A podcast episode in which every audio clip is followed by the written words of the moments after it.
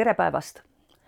minu nimi on Kadri Ugur ja tänase tunni teema võiks olla meediamaailm ja mõnda, mis sealt sees leida on. ma natukese aja pärast seletan ka, kust see pealkiri on pärit, aga kõigepealt palus teie õpetaja Diana mul natukene rääkida sellest, kes ma ise olen ja mida ma oma elus teinud olen. minu nime järele võib kirjutada kolm tähte B, H ja D. see tähendab, et ma olen oma elus välja teeninud filosoofia doktorikraadi. see on üks kõrghariduse osadest. kõrgharidus algab meil Eestis siis bakalaureusekraadi omandamisest, mis kestab tavaliselt kolm aastat. sellele järgneb magistrikraad, mis tavaliselt kestab kaks aastat, aga siin on ka erandeid ja doktorikraadiga saavad kõige vapramad hakkama nelja aastaga, noh, mõnel läheb natuke rohkem, mõni teeb kümme ja mõni teeb kakskümmend aastat oma doktorikraadi aga need on siis Eestis kõrghariduse astmed. minul on doktorikraad ajakirjanduse alal. see tähendab, et no doktorikraad on tegelikult ka eelduseks, et inimene saaks ülikoolis töötada ja ülikoolis olengi ma hea tüki aega töötanud, õpetanud eh, ajakirjanikke, kommunikatsioonijuhte, õpetajaid ja, ja tegelikult veel lugematuid paljusid teisi erialasid ja selle kõige aluseks ülikoolis on alati see, et, et ülikoolis õpetabki teadus, et need inimesed, kes ülikoolis töötavad, üldiselt teevad korraga kahte asja. Nad uurivad maailma või mingit nähtust või mingit osa sellest, saavad mingeid uusi teadmisi ja siis nende uute teadmistega astuvad oma tudengite ette, nii et ülikoolist peaks olema alati võimalik saada kõige, kõige värskemat haridust nüüd need tähistused võivad erinevatel erialadel olla ka natuke teistsugused, aga, aga põhimõtteliselt sellist kolmeastmelist äh, kõrghariduse struktuuri me Eestis ikkagi praegu järgime. kui doktorikraad on käes, siis ei pea õppimist järgi jätma, vaid siis on võimalik veel minna kuhu iganes maailma järel doktorantuuri, nii et, et tegelikult selline õppimise protsess ei ajakirjanduse alal ega ühelgi teisel alal ei pea üldse ära lõppema, et see kestab kogu elu. nüüd natukene sellest, kust tänase loengu või tunni pealkiri tuleb. ma näitan teile ühte väga-väga vana väljaande kordustrükki. selliseid raamatuid on maailmas olemas seitsesada, mitte rohkem. ja minule kuulub selle raamatu eksemplar number kolmsada viiskümmend üks. see on ajakiri Maailm ja mõnda, mis seal sees leida on. tulusaks ja õpetlikuks ajaviiteks maarahvale.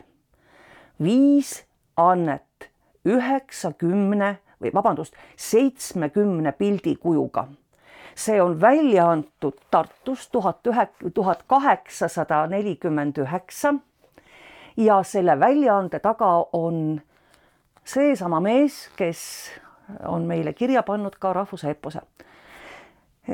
Friedrich Reinhold Kreutzwald eh, andis Võrus välja sellist ajakirja, kus ta eesti keeles, muide, mida siis veel eesti keeleks ei nimetatudki, vaid maakeeles kirjutas eh, inimestele väga lihtsatest asjadest maailmas, näiteks mis asi on raudtee?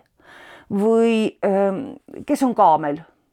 Või missugune loom on vaal mis toimub Londoni linnas, millised tunnelid ja kanalid on Londoni linnas olemas, siis mis on sabaga tähed, kuidas toimib trükikunst, mis asi on planeet ja kuidas planeedid liiguvad? Ja missugune näeb välja krokodill. kujutage ette, me oleme umbes aastas tuhat kaheksasada nelikümmend üheksa ja meil on olemas piisav hulk inimesi, kes suudavad eestikeelset või siis toona maakeelset teksti lugeda ja kes saavad teada midagi sellist, mida me praegu võiksime nimetada teadusajakirjanduseks või aimeajakirjanduseks või ka välisajakirjanduseks kohati, sellepärast et Kreutzwald käsitleb osaliselt ikkagi ka eh, poliitilisi päevasündmuseid, ehkki seda küll siis väga pika välbaga. Eh, meediamaailm ja mõnda, mis selles leida on, on siis tänase tunni teema meediamaailm on tohutult, tohutult suur ja ma ei tunne praegusel hetkel mitte ühtegi eh, noh, mis tahes tasemel teadlast, kes julgeks väga üheselt hakata defineerima, mis asi on meedia tänapäeval. meedia tähendab vahendajat või vahendamist.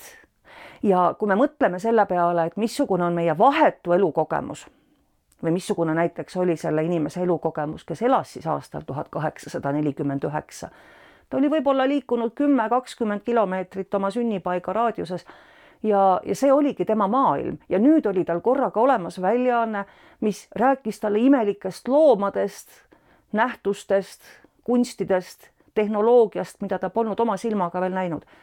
see tähendab, vahendatud informatsioon on meie maailmapilti mõjutanud juba päris, päris kaua aega aga mida ma täna püüan natuke rohkem teha, on see, et ma püüan võtta ühe väikese konkreetse tüki meediast ehk siis vahendatud informatsioonist ja, ja rääkida teile pisut sellest ja see tükk, millest ma tahaks teile rääkida, on ajakirjandus. kindlasti ei ole meedia ja ajakirjanduse vahele võimalik panna võrdusmärki, aga mis märgid sinna panna tuleks, noh, eks, eks see selgub nüüd meil veel ka lähemate aastate jooksul, kui tehnoloogia edasi areneb ja ja me näeme, missugused protsessid siis ajakirjanduses hakkavad toimuma. Kõik, mis elab, vahetab omavahel informatsiooni. see tähendab, et me teeme nähtavaid, kuuldavaid, mm, ka lõhnamärke teinekord ja on kusagil mingid olendid või keegi, kas meiesugused või mitte meiesugused, kes võtavad need märgid vastu ja tõlgendavad neid mingil viisil ja teevad selle informatsiooni põhjal mingisuguseid otsuseid, näiteks kas kas on mõtet minna seda rada pidi edasi? no kui sa oled jahikoer näiteks, siis, siis sa saad väga palju lõhnasõnumeid selle kohta, et kas maksab minna edasi. kas sealt on midagi head oodata? Kui sa oled inimene ja lähed näiteks kontserdile, siis sa ka kuulad kaugelt juba, et mis helid sealt kostavad, missugused inimesed seal liiguvad ja sa teed selle põhjal oma otsuse. et mis suunas minna, kas minna kontserdile või joosta vastassuunas täiesti Eh, nüüd no kontsert või, või, või jahisaak, need on tegelikult eri, erineva kaaluga nähtused. aga kui me räägime tänapäeva väga keerukast ühiskonnast, siis tegelikult ühest küljest on meil hästi kerge ja lihtne elada oma mulli sees.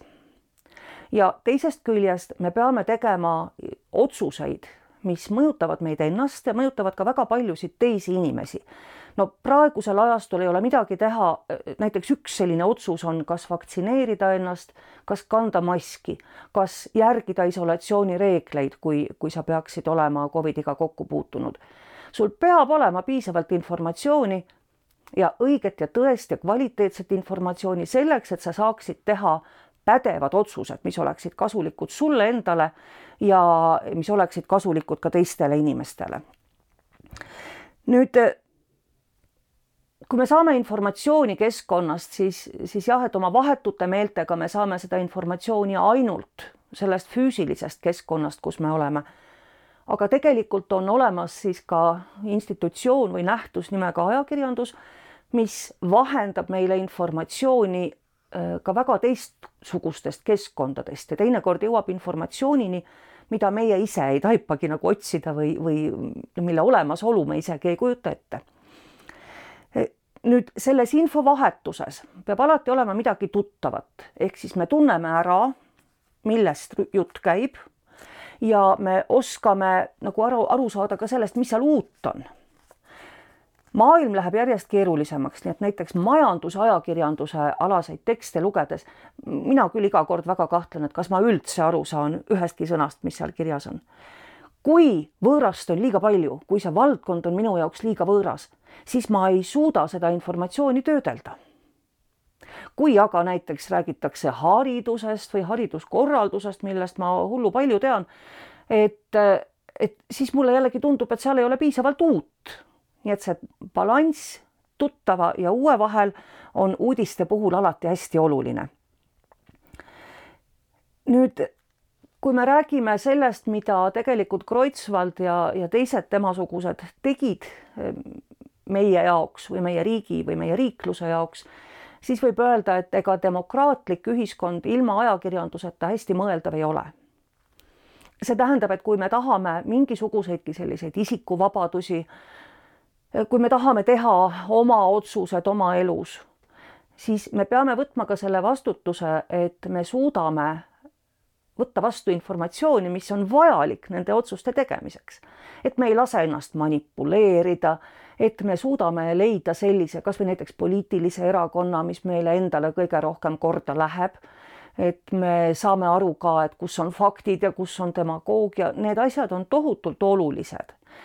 Sest kui seda harjumust ja võimet ei ole, siis tegelikult on iga inimene üsnagi kergesti manipuleeritav. Ja ma ütlen väga julge väitena välja selle, et äh, professionaalne ajakirjandus on praegusel hetkel ikka veel üks päris kenasti ja usaldusväärselt töötav institutsioon, kuivõrd siin on taga hea mitusada aastat info töötlemise ja esitamise kogemusi.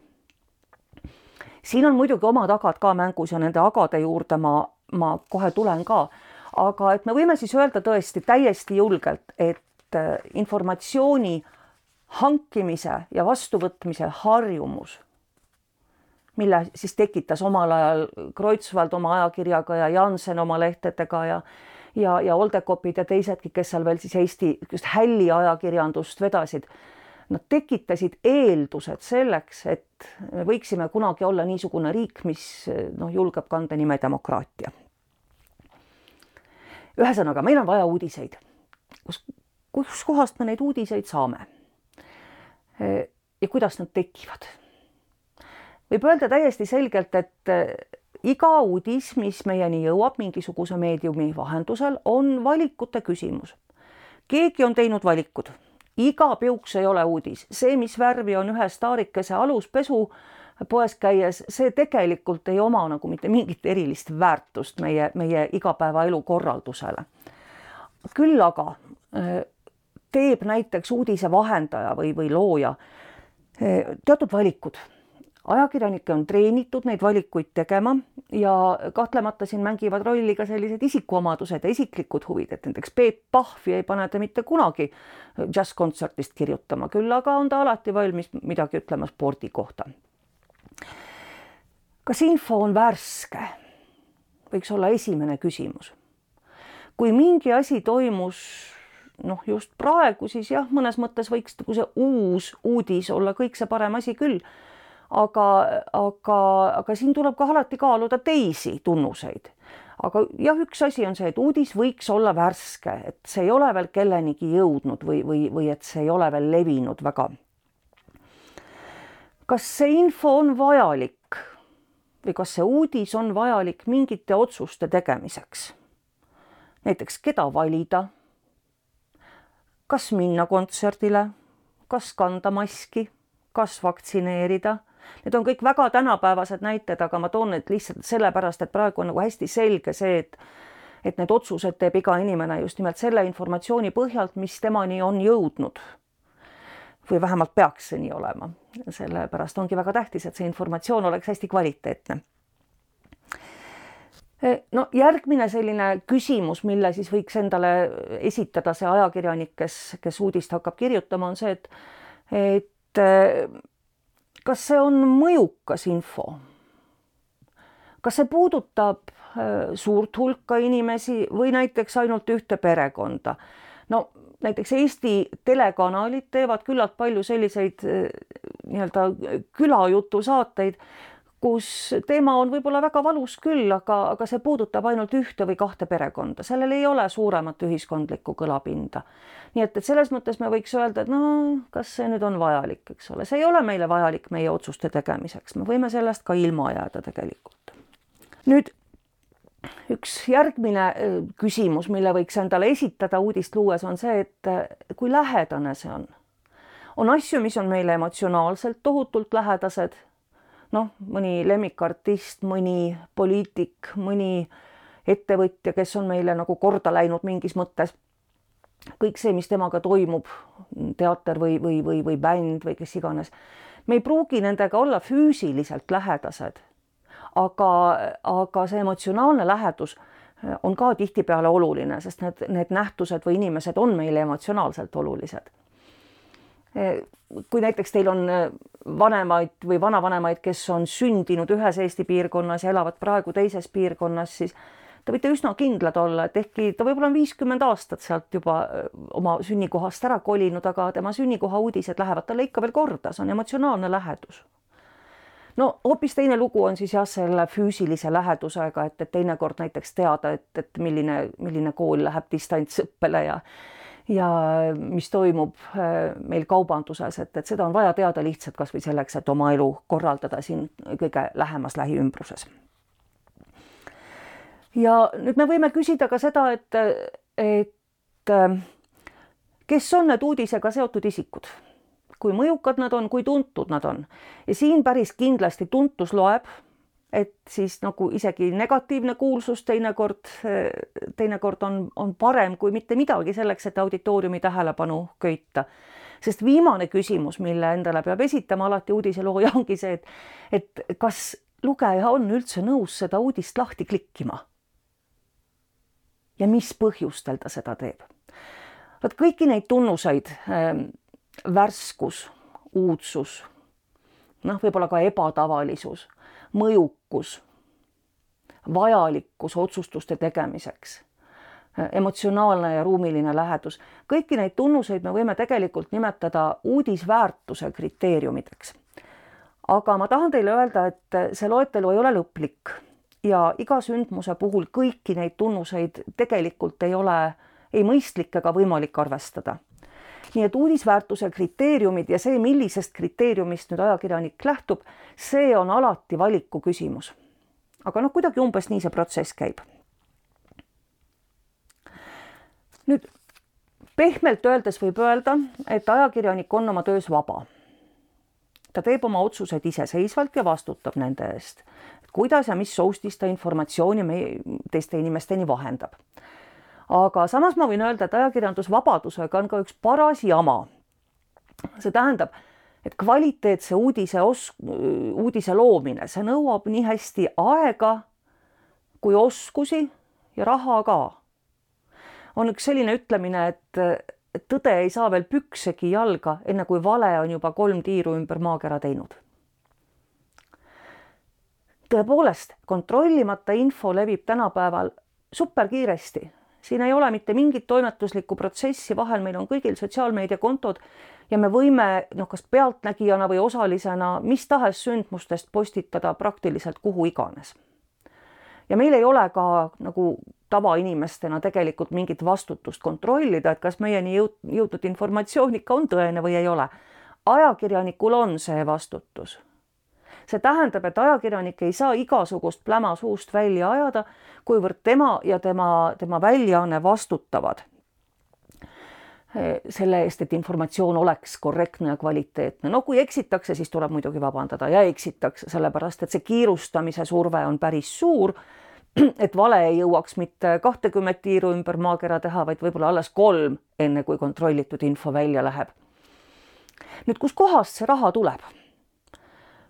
Me ei saa midagi teha, äh, aeg on raha ja kvaliteetne töö igal juhul maksab raha. Mm, kui me saame näiteks mingisuguseid meediasõnumeid tasuta, siis on täiesti põhjust arvata, et meie ise oleme kaup, mida samal ajal müüakse. me ei taha saada ju kvaliteetseid või noh, tahame, aga me ei saa kvaliteetseid kingi ja, ja riietust ja ja toitu ilma rahata ja tegelikult see tähendab ka seda, et et kvaliteetset uudist on, on väga raske saada päris tasuta. nii et ma soovitan teil olla alati ettevaatlikud tasuta allikate suhtes ja väljaannete suhtes. nüüd veendumusmeedia, siis sellised äh, ajakirjanduslikud või poolajakirjanduslikud väljaanded, mis levitavad ühte või teist selget maailmavaadet, need on tavaliselt tasuta sellepärast, et neid rahastatakse propagandakuludest või siis noh, selliste innukate toetajate raha eest. see tähendab, et tegelikult mitte kunagi sellistes väljaannetes see ajakirjanik ei ole päris vaba. ta on seal tööl selleks et vahendada teatud meelsust, teatud sõnumit. ütleme nüüd, kuidas siis üldse saab olla vaba ajakirjandust olemas? väga pikka aega tagas selle aja, selle vabaduse, et toimetus ja ajakirjanik on oma otsustustes vabad, tagas see, et ajakirjandust hoidis üleval reklaam. see tähendab, see on nagu selline käsi peseb kätt süsteem. lugeja tahab uudiseid, ajakirjandus on valmis ja oskab neid vahendada. lugeja on valmis maksma natukene selle eest, et saada need uudised kätte, aga seal taga on terve tööstus ja terve majandus kes kõik tahavad tegelikult iseenda teenuseid ja tooteid tutvustada ja kõigile on kasu sellest, et on olemas, ahah, näete, üks ajaleht või üks telesaade, mille vahele või sisulugude vahele saab natukene ruumi müüa. ja kui neid selle ruumi ostjaid või reklaami ostjaid on hästi palju, siis see tegelikult annab äh, näiteks ajakirjanduslikule väljaandele majandusliku vabaduse ehk siis sisu ja sissetulek on omavahel kaudses seoses, mitte otseses seoses. Ma saan võtta oma ajalehte sellist ja sellist reklaami ja siis nagu konkurendi reklaami veel ja ma ei anna eksklusiivselt võimalust näiteks, näiteks ainult ühele, ühele ettevõttele. aga ma saan igalt poolt mingisuguse tulu ja see tulu tagab mulle selle, et ma saan olla poliitiliselt ja ajakirjanduslikult sõltumatu. no paraku on nüüd e, lugu alljärgnev, et see reklaamil põhinev ajakirjandusmudel enam ei tööta sellest peale, kui tuli online ajakirjandus. ja mingil hetkel e, oli nagu väga loomulik saada uudiseid tasuta ja kui sa näiteks noorte inimeste käest küsid, et kus sa, kus sa oma uudised saad või oma info, siis vastatakse tavaliselt, et aa, Google, Facebook, Youtube, TikTok. täiesti õige. sealt saab tasuta. Ma tuletan teile meelde, kui miski asi on tasuta, siis oled sina sel ajal kaup. ei Google, ei Facebook ega Youtube ei tooda ise mitte ühtegi sõnumit, ei meelelahutuslikku ega uudislikku vaid nad on ainult vahendusplatvormid. see tähendab, keegi teine kusagil on teinud tööd selleks, et luua sisu, mis sinule meeldib. nii, kui sa nüüd mõtled, sina ei maksa selle sisu tarbimise eest. Sa saad selle tasuta. aga kes saab raha ja kellelt? tõsi on see, et reklaami andja ei ole huvitatud oma reklaami panemisest sellisesse väljaandesse, mida mitte keegi ei loe ega vaata. aga ta annab hea meelega oma, oma raha ja ostab hea meelega reklaami nendest kanalitest, mida vaadatakse ja loetakse. ehk siis Facebook, Google, Youtube. Ka Eesti tootjad teevad seda, mis tähendab seda, et Eesti, Eesti reklaamiraha läheb ka tegelikult väga suures ulatuses välismaale siin on nüüd suured käärid toimumas ja suured protsessid, mida võite jälgida lähemate aastate jooksul, mina ka ei tea, kuidas Euroopa Liit ja, ja suured kontsernid oma suhted saavad eh, taastatud. aga, eh, aga see paneb praegu kogu ajakirjanduse päris paraja pinge alla. ma lihtsalt tahtsin, et te seda, seda mõnevõrra nagu tajuksite nii, aga lähme natukene edasi, ei taha ju uudiseid seal uudistes on ju kogu aeg midagi halba, mingi jama. ja, ja, ja selge on see, et, et ühel hetkel inimesed väsivad ka halbadest uudistest lihtsalt ära. ja selle asemel tahaks hoopis midagi muud. nüüd huvitav on see, et ajakirjandus on hea neli-viissada aastat saanud areneda ja selle aasta, selle aja jooksul on välja kujunenud sellised noh, parajad noh, teineteist balansseerivad süsteemid, jah, loomulikult sellised elulisi otsustusi mõjutavad uudised on esmatähtis, need peavad olema, ilma selleta ajakirjandus väga hästi ei tööta. aga ajakirjandus on ka meelelahutusliku funktsiooniga. nalju, ristsõnu, mm, kõmu-uudiseid, põnevaid sündmusi, mis, mis ei ole nagu otseselt tähtsad elu korraldamiseks, aga mis siiski tõmbavad tähelepanu, neid on ajakirjanduses alati olnud lisaks sellele on ajakirjandus väga paljudes kontekstides nagu platvorm, mille pealt, mille peal on võimalik arutada, see tähendab, erinevad seisukohad, erinevad arvamused võivad, võivad seal saada äh, kajastatud. ja see tähendab ka seda, et mingil määral ajakirjandus võib siis kujundada sellist avalikku arvamust. Mõnes mõttes on loogiline, et üks väljaanne kirjutab ühte, teine väljaanne kirjutab teist. no see on selles mõttes loogiline, et, et lõppude lõpuks kujuneb siis kokku sündmustest ka mingisugune tervikpilt ja, ja ma saan kätte need faktid, mille põhjal ma saan, ma saan otsustada, et kuidas ma oma elu pean elama. aga ajakirjanduse kohta öeldakse veel seda ka, et tegemist on äh, nii-öelda neljanda võimuga või siis demokraatia valvekoeraga. Mida see tähendab? see tähendab seda, et ajakirjandus, mis on majanduslikult ja poliitiliselt sõltumatu saab äh, teha silmad väga lahti ka selles suhtes, missugune on siis see meie võimu teostamine. no vaene väike minister Mailis Reps raskel ajal lahutas kuus last, ministriamet, koroonakriis, igasuguseid selliseid keerukaid asjaolusid Mm, võib ju arvesse võtta, aga mida siis meil Õhtuleht tegi, Õhtuleht eh, tegelikult sai päris hästi jälile sellele, mismoodi minister Reps kasutas siis ministeeriumi vara oma laste elu korraldamiseks. noh, kindlasti oli tal raske, kindlasti ta kaalus kõvasti, mis teha, aga see on meie kõigi raha. ja see on nüüd see koht, kus ajakirjandus võtab valvekoera rolli ja hakkab natukene klähvima. Et kas see nüüd ikka on õige asi eh, kõige parem on see, kui sellest ajakirjanduslikust klähvimisest, mis peab olema täiesti faktidega kaetud, möla ei saa kirjutada. kui sellest haaravad kinni ka uurimisorganid, mida siis antud juhul ka tehti ja ajakirjanduses väljendatud kahtlustuste põhjal mm, alustati uurimist.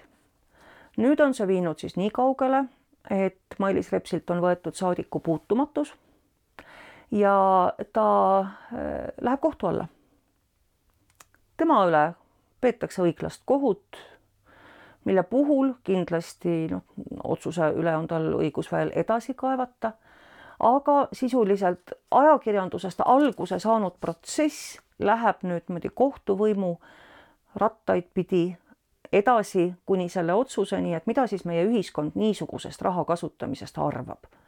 Kas kuue lapse ema, kes on minister, võib lasta oma autojuhil lapsi kooli ja tagasi sõidutada või ei või?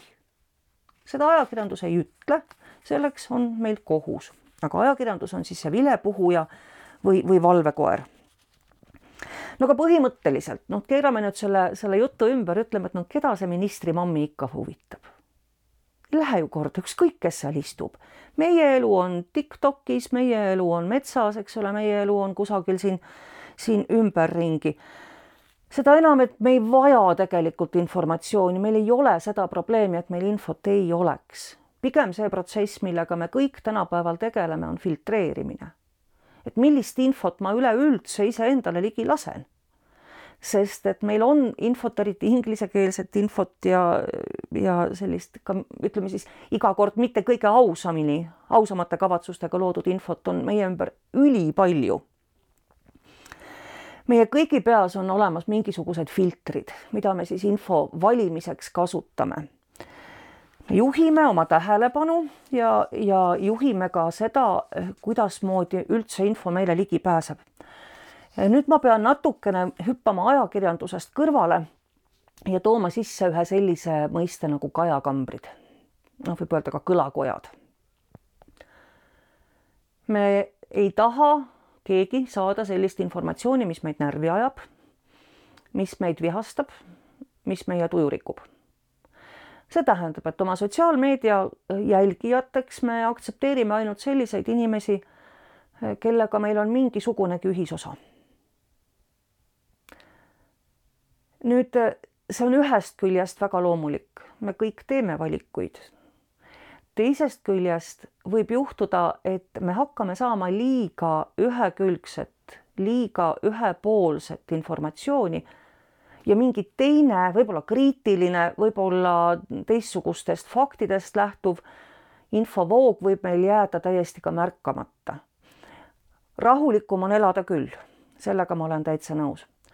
aga samas on see suur oht radikaliseerumiseks ehk siis noh, selliseks maailma külgvalgustamiseks, et me hakkamegi nägema tervet maailma ainult ühe või teise teooria pilgu läbi, võib-olla isegi vandenõuteooria pilgu läbi ja see ei pruugi olla meie enda jätkusuutlikkusele alati kuigi hea lahendus.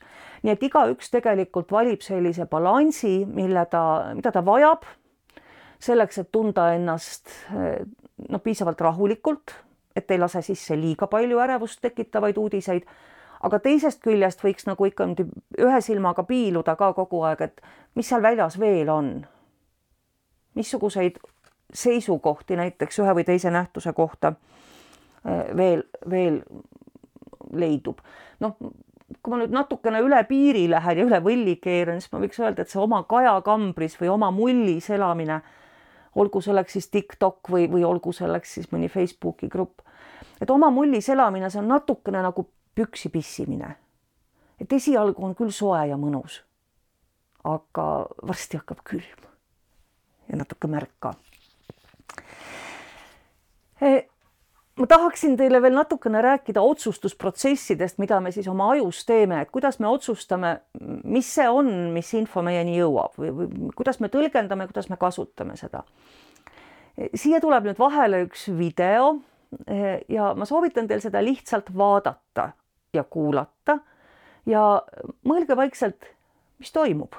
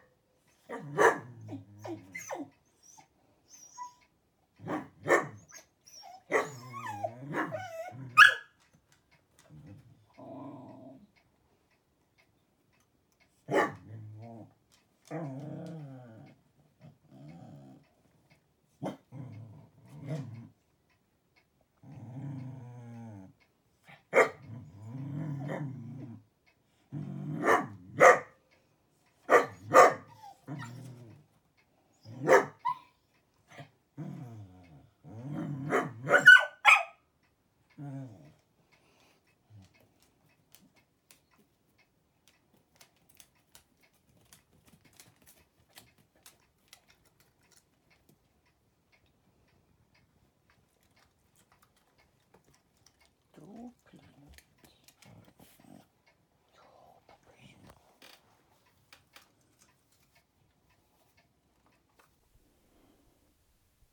Selle video vaatamise järel on mulle esitatud igasuguseid toredaid vastuseid sellele küsimusele, et mis siis siin toimus.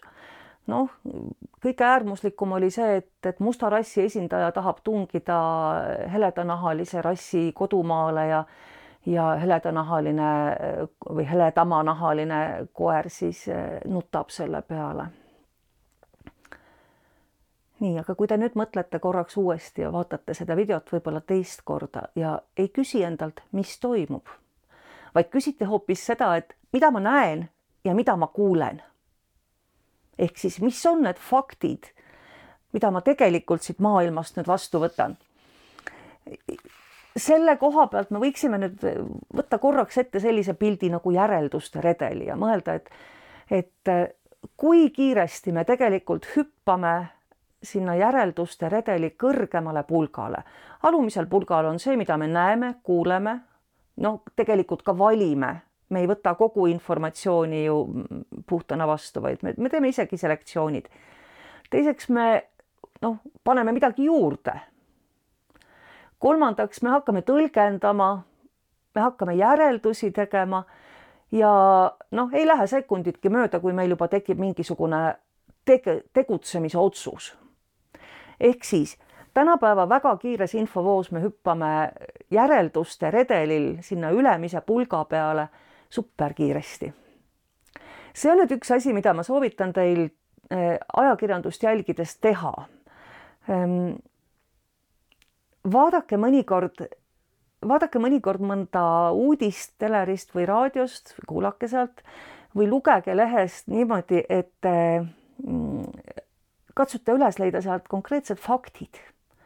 et mis mulle siis öeldakse, mis mulle siis räägitakse ja ja, ja mida ma saan tõestada teistest või kolmandatest allikatest, teil tuleb selle kohta kindlasti veel palju harjutusi. aga no näiteks kasvõi, kasvõi vaadata, et, et kus kohas nagu fakte natukene isegi mõjutatakse või tõlgendusruumi mõjutatakse, näiteks mõnes tõsielu saates esitatakse mulle küll mingid faktid, aga siis antakse sinna juurde ka selline väga dramaatiline taustamuusika näiteks, miks? kas see taustamuusika äkki mõjutab seda, missuguse, missuguseid redelipulki ma hakkan nüüd, nüüd edasi ülespoole minema? et selliseid asju ma soovitaksin tõepoolest mõnikord teha, et, et mõelda, mis mulle näidatakse, mida ma kuulen. Ja et kas äkki on võimalik neid fakte, mis on tõesti faktid, võimalik ka mingil muul moel veel tõlgendada ja jõuda näiteks mingisuguste muude tegevusotsusteni, kui, kui esialgu tundub esimeste hüpetega. nüüd ma loen veel natukene käsulaudu sulle, soovitused, mida võib järgida, aga ei pea järgima. mida saab iga inimene ise teha selleks, et seda oma inforuumi hoida piisavalt asjalikuna, piisavalt mõistlikuna ja kasulikuna iseenda jaoks ja kvaliteetsena. no kõigepealt anna endale aru, missugust informatsiooni on sul vaja selleks, et teha enda elu jaoks endale kõige paremad otsused. mille põhjal sa valid kooli, kus õppida, mille põhjal sa valid elukaaslase, kui palju sa lased ennast mõjutada teiste arvamusest ja kui palju sa korjad fakte enne oluliste otsuste tegemist või hoopiski otsustad emotsioonide pealt, siis ei maksa imestada. teiseks ma kordan seda, et, et sa maksad igal pool kvaliteetse kauba eest, see tähendab, et ära imesta, kui ka kvaliteetse informatsiooni eest tuleb midagi maksta. selle, selle tulemuseks on mingisugunegi usaldusväärsus. et, et sind ei püüta manipuleerida, et sind ei püüta edasi müüa kellelegi või seda sinu tähelepanu. kui miski on tasuta, siis oled sina ise see kaup, mida müüakse jälgi, kuidas sa teed oma käitumisotsuseid missuguse informatsiooni põhjal ja kui sa vähegi saad, astu mõni samm tagasi faktide suunas ja mõtle enne, kui sa tegutsemisotsusteni jõuad. Jaga vastutustundlikult. no ma siin mõni päev tagasi lugesin sellist tohutut, tohutut pikka pullat sellest, kuidas kuidas viirused ikkagi, mis viirused organismis teevad ja et kuidas viirused organismi satuvad ja seal oli siis selline pöörane teooria, et et viirused satuvad organismi ainult kaitsesüstimiste või, või vereülekande kaudu. Ja seda lugu, pikk lugu eesti keelde tõlgitud, eh, jagas eh, minu Facebooki seinal üks inimene, kes üldiselt peaks nagu olema täitsa haritud ja, ja mõistlik ja tema jagas seda sellise mõttega, et vot see tekst peaks olema igas klassis seina peale kleebitud. et see on äh, välismaa allikast pärit ja väga oluline informatsioon. No mis ma siis tegin, ma klõpsasin selle välismaise allika lahti ja tuli välja, et see oli ühe Briti stand-up koomiku koduleheküljelt, et see oli tegelikult naljajutt. aga inimesed ei olnud aru saanud, et, et tegemist on huumoriga ja levitasid seda siis kui tõsiteadust et, et ma kohe päris kindlasti ma ei jaga selliseid asju ise edasi, sest mine tea, mis meeleolus on need minu seinalugejad. Ja kui nüüd mingi viimane äh, soovitus või nõuanne jagada, siis see võiks olla see, et äh, uudistega on selline paha lugu, et kui sa neid üldse ei jälgi, siis sa ei saa varsti mitte midagi aru. See tähendab, et sa ei pea olema kirglik uudiste lugeja, aga sul võiks olla niimoodi pool silmagi selles suunas lahti, et mis ühiskonnas toimub, milliseid seisukohti on olemas ja missugused väljaanded neist mil viisil kirjutavad, kuivõrd see on oluline, et sa ise teeksid õigeid otsuseid, neid, mis on sinu jaoks õiged. nii, ma tänan tähelepanu eest ja soovin teile palju-palju geni lugemis, vaatamis ja kuulamiselamusi, muuhulgas ka ajakirjanduses